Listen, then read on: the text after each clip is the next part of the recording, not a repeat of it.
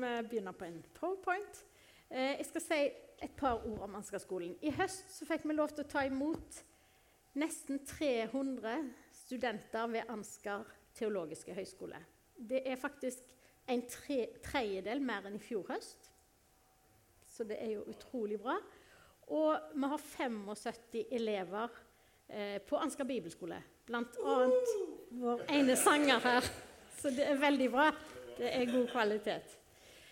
Eh, Misjonskirken Norge, som jeg òg må øve meg på å si, eh, har et eh, målsetting om vekst 2020. Og for å få det til, så må vi ha misjons, eh, det som før het Misjonsforbundet, som nå Misjonskirken. Og så er det Ung, som er alt ungdoms, barne- og ungdomsarbeidet vårt. Og så er det Ansgarskolen, som også er kjempeviktig.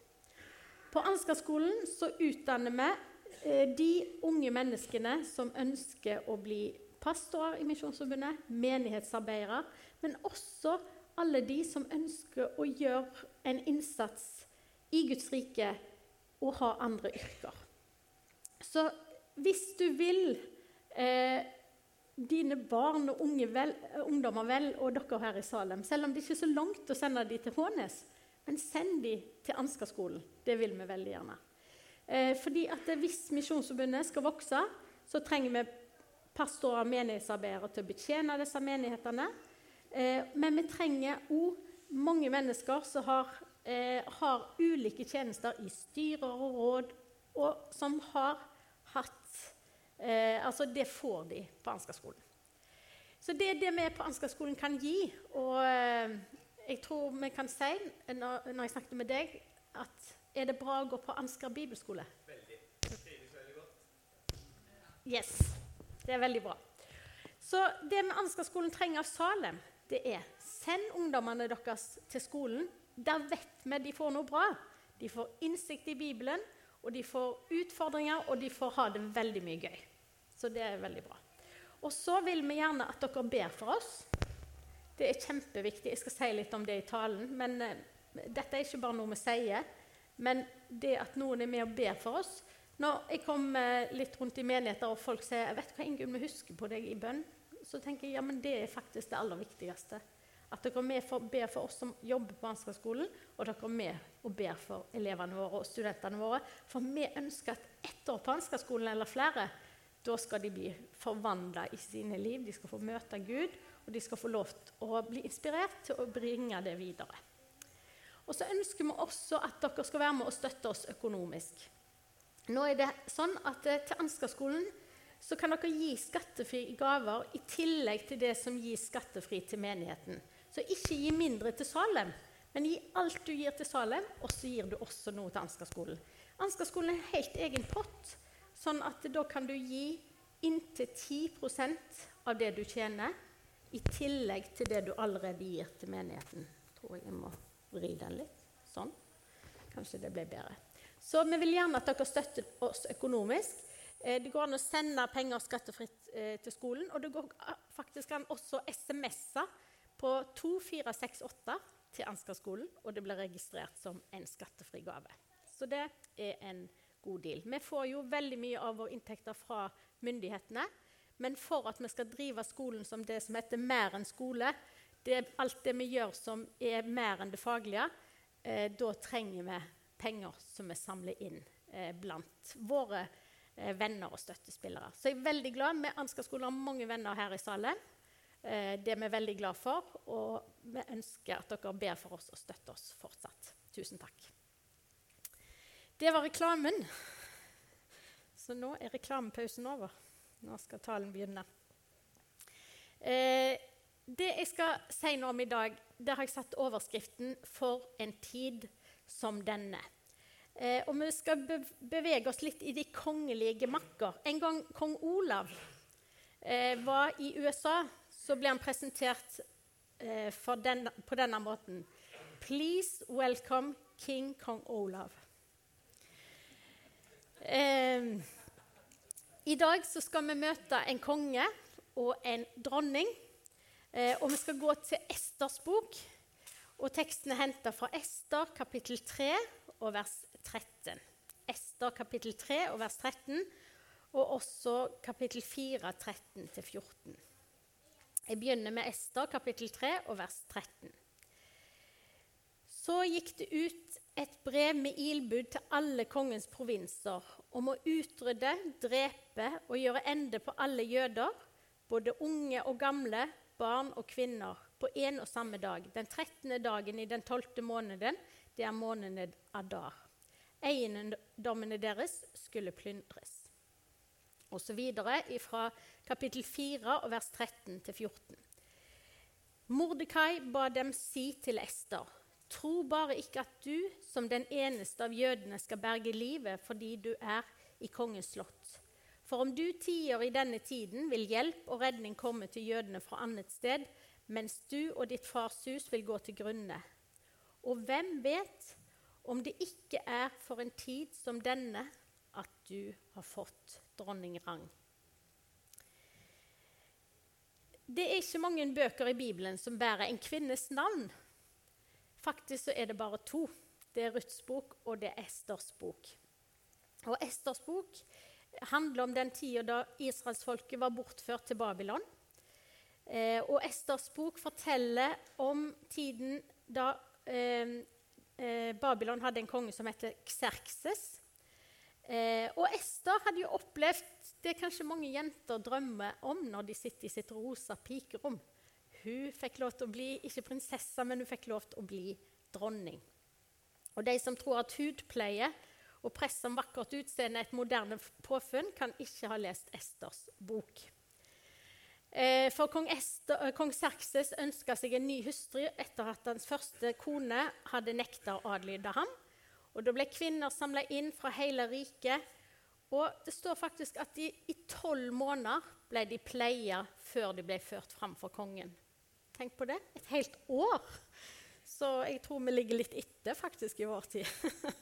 Først skulle de pleie seks måneder med myrraolje, og så seks måneder med balsam og andre kremer. Så det var tider. Eh, og så står det at når Ester skulle vise seg for kongen, så skjedde dette. Kongen elsket Ester mer enn alle andre kvinner. Hun valgte velvilje og anerkjennelse hos ham fremfor alle de andre kvinnene. Han satte en kongelig krone på hodet hennes og gjorde henne til dronning istedenfor den tidligere dronningen. Eh, og vi vet at Ester var jødisk og var fra en jødisk slekt. Og hun hadde en fosterfar som faktisk var hennes fetter, eh, som het Mordekai. Og Etter at Ester var blitt dronning, så fikk hun gjennom sin fosterfar og fetter Mordekai høre at to menn planla å drepe kongen. Ester fortalte dette til kongen, og redda på den måten livet hans eh, gjennom det Mordekai hadde sagt. Eh, og eh, Nå håper jeg ikke du sovner i løpet av preken, men hvis du skal gjøre det, skal jeg bare si mine to poeng med en gang. Er ikke det greit?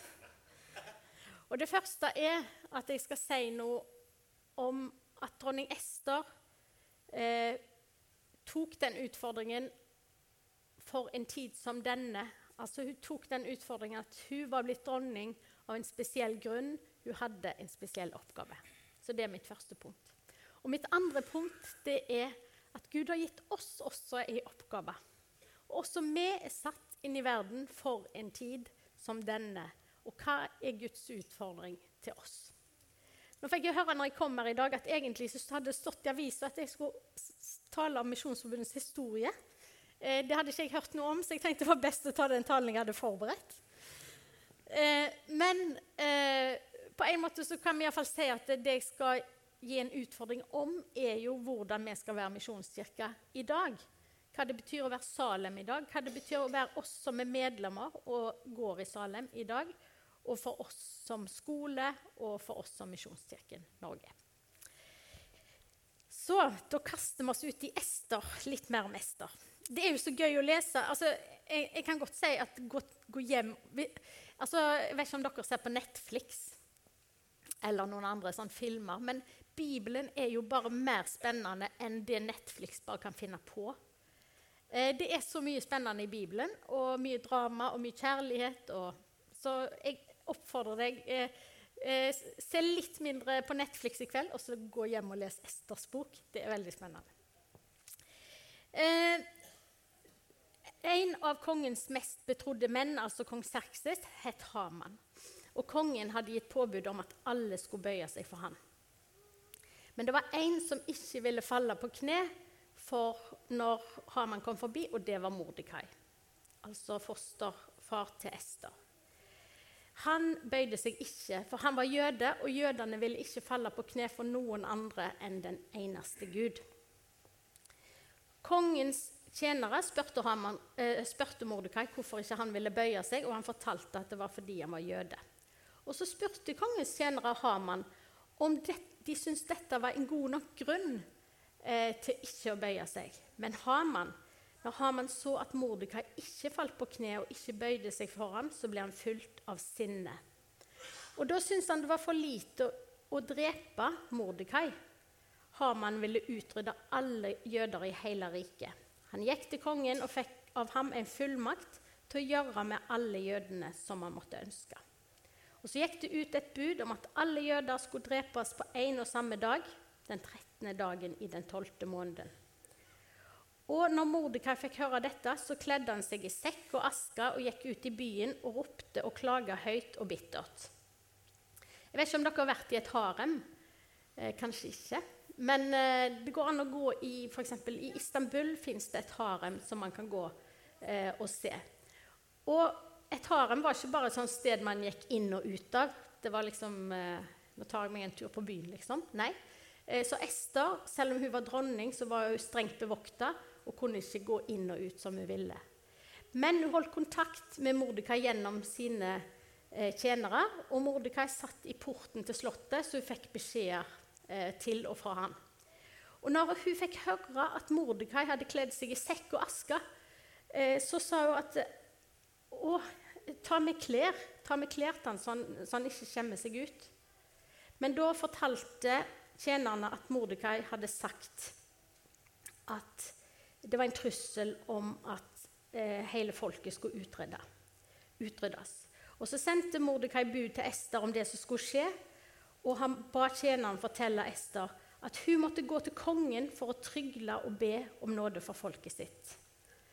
Men så var det jo sånn at hvis noen gikk inn til kongen uten å være innkalt, så ville personen bli drept.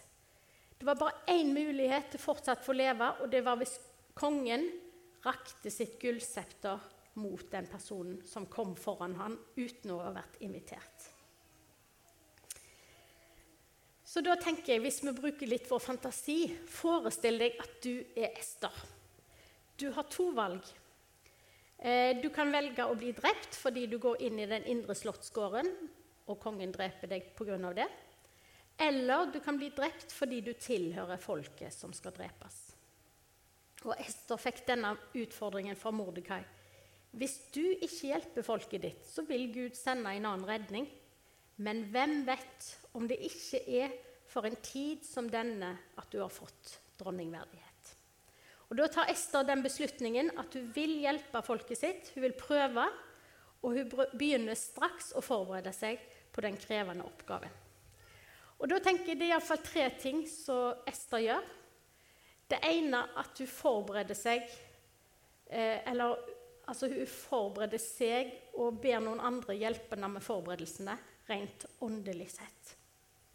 Og det andre er at hun bruker sin klokskap og forbereder seg eh, med praktiske ting. Eh, og det tredje er at hun følger på en måte spillereglene i sin tid, eh, og gjennom det så klarer hun å løse oppgaven.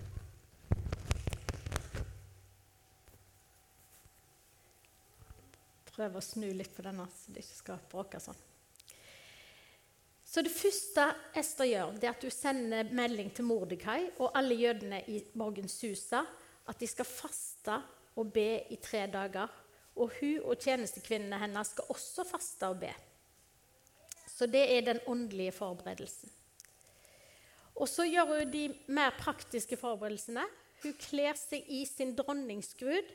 så det var sikkert ikke sånn at hun bare da slengte på seg noe hun fant i skapet. Det tror jeg nok ikke.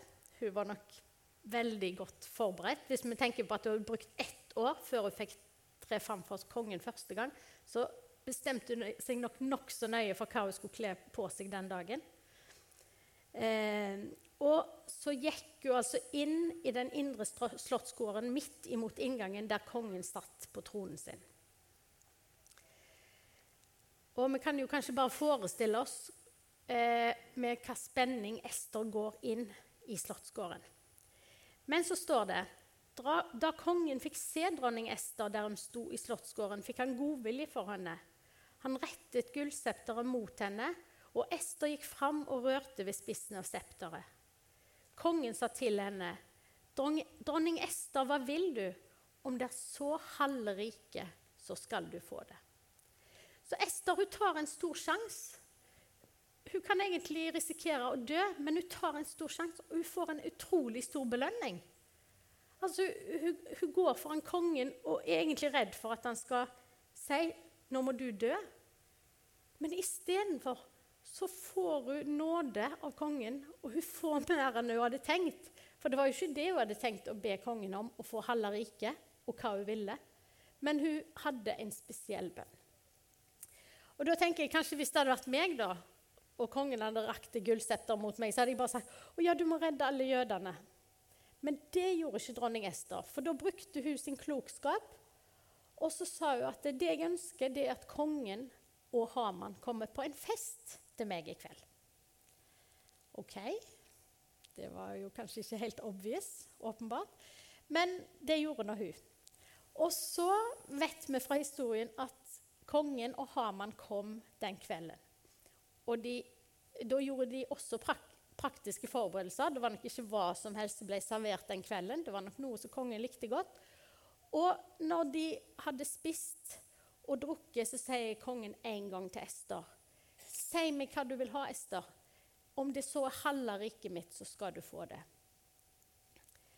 Eh, og da tenker iallfall jeg at da hadde jeg iallfall sagt hva jeg ville hatt. Men det gjorde heller ikke Ester. Så hun sa det jeg ønsker, det er at kongen og Haman skal komme eh, på fest til meg også i morgen kveld. Og det lovte de å gjøre. Og da vil jeg si det jeg ønsker, sier Ester. Så hun brukte altså tid på forberedelse, og den natta fikk ikke kongen sove.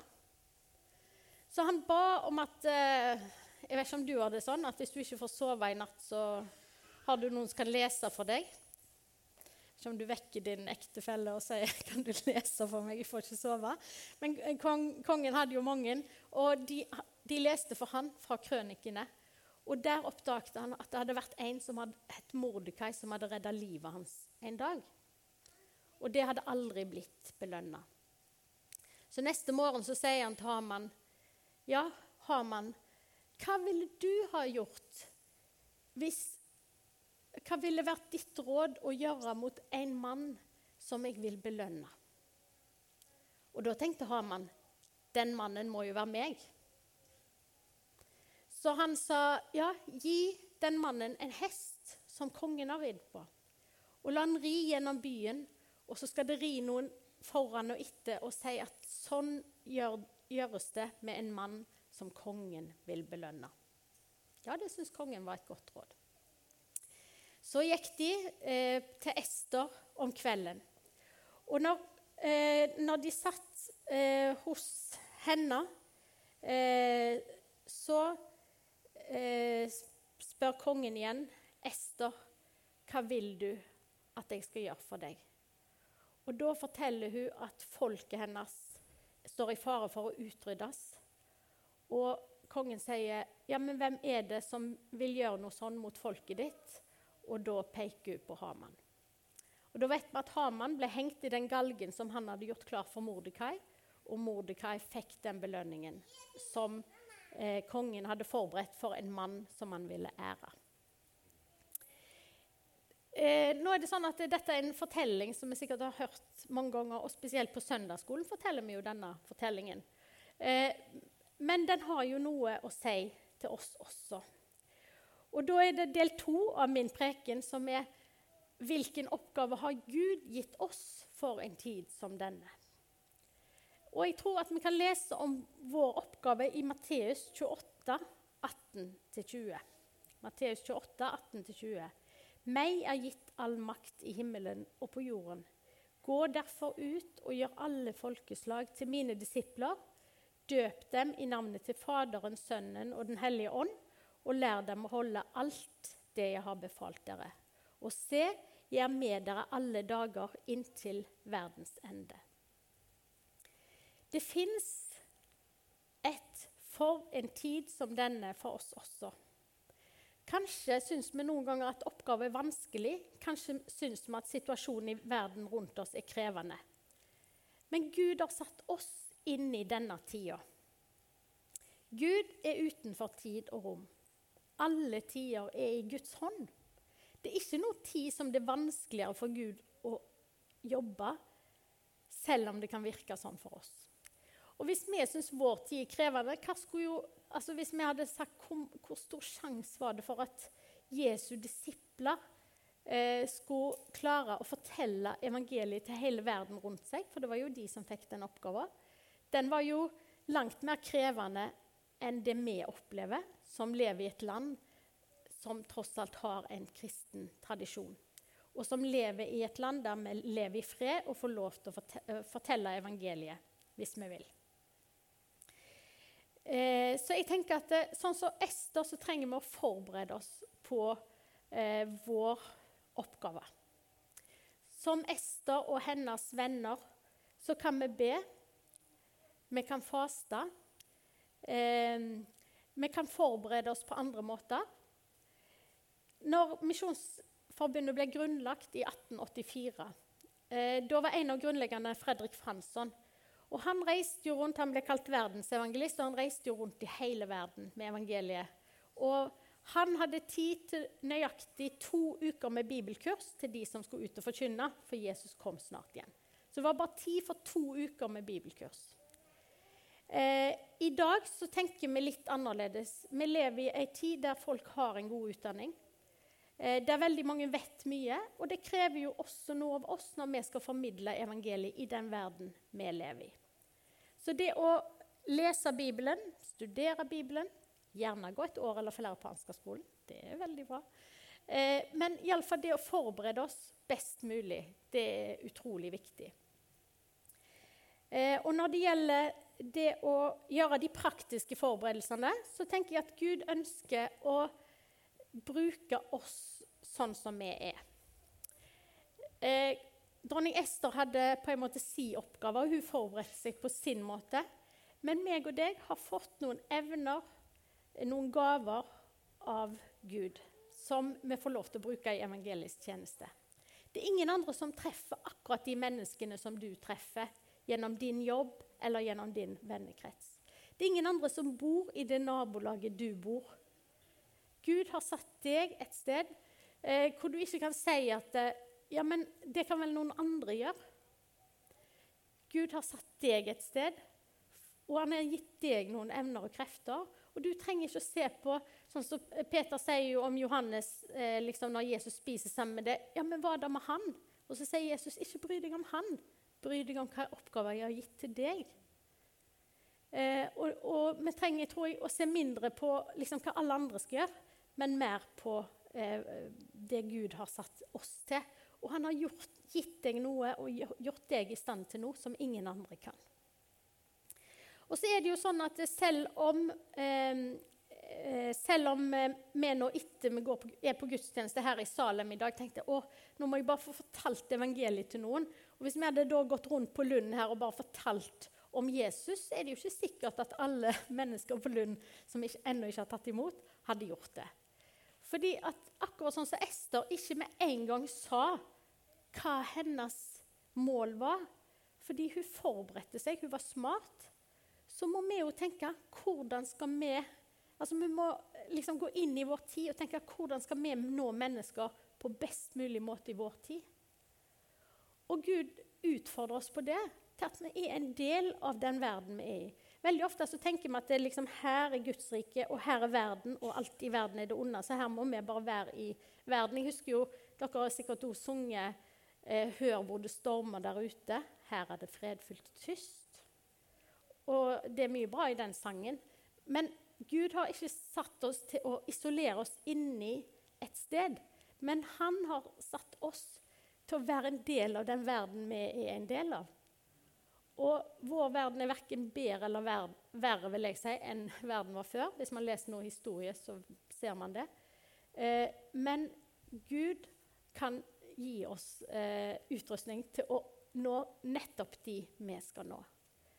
Eh, og jeg synes det er så fint Når vi leser denne misjonsbefalingen, som er Guds oppdrag til oss, så står det jo først 'meg er gitt all makt'. Og så på slutten så står det 'og se jeg med dere alle dager'. Oppdraget er omringa på en måte av to løfter om at Gud vil gå med oss. Jeg har lyst til å si et par ting om vår tid, som eh, kanskje preger vår tid mer enn tidligere tider. Eh, det ene er det som er blitt kalt at i Skandinavia så er, er, er menneskene 'belongers, not believers'. De tilhører kanskje en menighet eller ei kirke, men de er ikke nødvendigvis troende. Så mange er medlemmer av et kirkesamfunn og bruker Kirka i de store anledningene i livet. Men de har allikevel ikke en personlig relasjon eh, til Jesus. Hvordan skal vi nå disse menneskene? Eh, det er det Gud utfordrer oss til. At eh, Altså jeg har møtt mennesker her gjennom alfaarbeidet som ennå har en forestilling om at kristendommen er pietistisk, og som har hatt denne oppveksten om at det, dette er bare lov og regler, og som er nesten allergiske mot dem. Og Da, da hjelper liksom ikke å komme og slå dem i hodet med de ti bud. De må få møte Jesus. Vi, vi må møte dem på en god måte. Så er det andre steder i verden der eh, F.eks. i England og andre steder så er det 'believers, not belongers'. Mange som ikke tilhører et kirkesamfunn, men de har en tro. Og Det er en som har sagt det sånn If people don't believe in God anymore, they will not believe in nothing. They will believe in anything. Hvis folk ikke tror på Gud mer, så er det ikke at de ikke tror på noe, men de tror på hva som helst. They will not believe in nothing, they will believe in anything. Når, når troen går ut, så kommer noe annet inn, og det er mange folk i Europa som tror på New Age, eh, eh, overnaturlige ting. De, eh, og veldig mange som lager sin egen tro. Eh, Grace Davy, som er en eh, eh, som har jobba mye med kirker i Europa, hun sier at det er to typer kirker i Europa som vokser. Det ene er katedraler som gir folk eh, opplevelsen av det mystiske. Eh, og eh, folk kommer inn og ser ei vakker kirke. Det andre er karismatiske kirkesamfunn som fokuserer på fellesskap. Selv om folk som eh, søker disse kirkene, er forskjellige, så sier det én ting som er felles, og det er at mennesker trenger å oppleve Gud. Eh, Eh, nå kan folk være forskjellige, men det er ikke nødvendigvis sånn at folk trenger å bli opplært i hele kristendommens innhold. Men de trenger å se at Jesus er en person som elsker de, og som de kan møte. Og så er det sånn at eh, Vi har levd i et kristent Europa. Og eh, det har vært på en måte kanskje også et dekke over at eh, vi har tenkt at Norge er jo et kristent land. Eh, men jeg tror at Gud utfordrer oss til å se at vi lever i et land der veldig mange trenger Jesus. Eh, og så trenger vi å se at eh, i motsetning til tidligere, der vi måtte reise langt for å møte mennesker fra andre kulturer og fortelle dem om Jesus, så er jo verden kommet til oss. Og Da er det veldig rart synes jeg, at vi som kristne er så skeptiske for det. fordi at det, eh, det kan være grunner til det. Men hvis vi er kristne, så tenker vi jo at Gud vil at vi skal nå alle mennesker med evangeliet. Mange av de som er kommet til Europa, de ville aldri ha møtt evangeliet i sitt hjemland, for det er helt stengt. Og Det gjelder spesielt de muslimske landene. Så det er faktisk en mulighet for oss å gå og dele evangeliet med de. Og et kontaktpunkt i forhold til muslimer er jo å fortelle om Jesus, som er en stor profet i islam, og eh, som muslimer opplever at de kan få en relasjon til, noe de ikke vet fra før. Eh, det er en eh, veldig flott historie, syns jeg, om eh, den første evangelist i Det nye testamentet. Og det er at Jesus han brydde seg jo ikke om hva samtida sa hvem han kunne snakke med eller ikke. Så når han kom til Samaria og satt ned og var trøtt etter sin reise, så møtte han den samaritanske kvinne. Hun som hadde gjort og levd et liv som, eh, som vi ville rynke på nesen av, og vi ville iallfall ikke kalt henne til evangelist i Salem eller i ansatte på Ansgar-skolen, tror jeg. Men Jesus han så hennes hjerte. Han forkynte evangeliet for henne. Og hun går, setter krukka fra seg, springer og forteller om Jesus til hele sin landsby. Og så står det i Johannes 4 at når de kom tilbake, så sa de til kvinnen nå Først trodde vi fordi vi hørte hva du sa, men nå tror vi fordi vi har møtt Jesus sjøl. Hun ble den første evangelist. Så det jeg tror er også en viktig utfordring til oss, det er altså ikke at hvordan skal vi bli en evangelist? Er det fordi at vi lever et perfekte liv? Nei, det er ikke det. Det er budskapet som er gitt oss. Det er budskapet som er gitt oss, som gjør at eh, vi kan nå mennesker. Eh, en fortelling jeg hørte om, var en, en eh, svensk pastor eh, som hadde en sønn med Downs syndrom, fem år gammel. Eh, denne sønnen kan nesten ikke snakke og er egentlig dysfunksjonell, som kanskje vi ville kalt han. Og En dag så kom det ei kvinne til denne kirka hvor faren var pastor. Eh, denne, kirke, denne eh, kvinna le, levde et veldig tøft liv og hadde mange problemer. Eh, og denne lille gutten klatra opp på hennes fang, men hun skyver han vekk. Selv om han er så liten. Men flere kvelder så kommer hun, og han prøver å, å komme opp på fanget hennes. Eh, og en, kveld, en av disse kveldene så klarer han å sette seg på fanget hennes. Og så tar denne kvinnen bare rundt, rundt denne gutten og begynner å gråte. Og denne gutten med Downs syndrom var den eneste som klarte å nå fram til denne dama. Og jeg tror at det er utrolig viktig at vi ser at det er faktisk ikke vår styrke som Gud alltid virker gjennom. Veldig ofte er det vår svakhet. Veldig ofte er det sånn at Gud bare venter på at vi skal se at han kan bruke oss nå, han kan bruke oss her. Han trenger ikke å vente i fem år, eller til du har gjort det, eller til du har gjort det, eller til du er kommet der og der. Men Gud ønsker at vi skal nå ut til de menneskene som han sender i vår vei. Og Det er en, en uh, setning fra en sang som jeg syns er så fin, og det at kjærlighet oppfinnsom gjør. Gud vil åpne meg en dør. Um, og en annen salme um, som er veldig fin, syns jeg at Herre, led du oss frem, la oss bli til hjelp for dem som du viser oss trenger en hånd. Og så står det i den salmen La meg se hva du har ment med at jeg bor der jeg bor. Så helt til slutt vil jeg si at vi har et, et budskap som på en måte overskrider alle tider og alle, eh, alle mennesker. Eh, så vi trenger å forberede oss sånn som Ester gjorde. Vi trenger å se at det er en åndelig forberedelse, sånn at vi kan komme i kontakt med Gud. Eh, vi trenger å forberede oss med våre evner, våre krefter.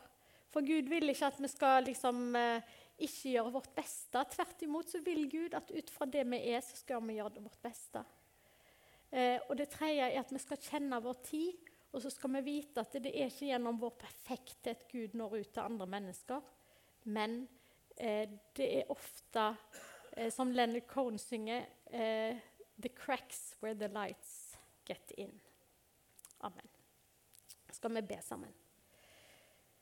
Kjære Jesus, jeg takker deg fordi du har gitt oss Du har betrodd oss evangeliet. Du har gitt oss et evangelium å fortelle mennesker. Og takk for du vil gjøre oss i stand til å nå mennesker med evangeliet. Du vil gjøre oss oppfinnsomme. Du vil la oss være åpne for å nå ut til de menneskene du hadde tenkt vi skulle nå. Våre, de som bor her i Norge, våre nye landsmenn, de som har bodd her. Og du vil la oss nå ut helt til jordens ender. Og jeg takker deg for vi får lov til å være en del av det. Amen.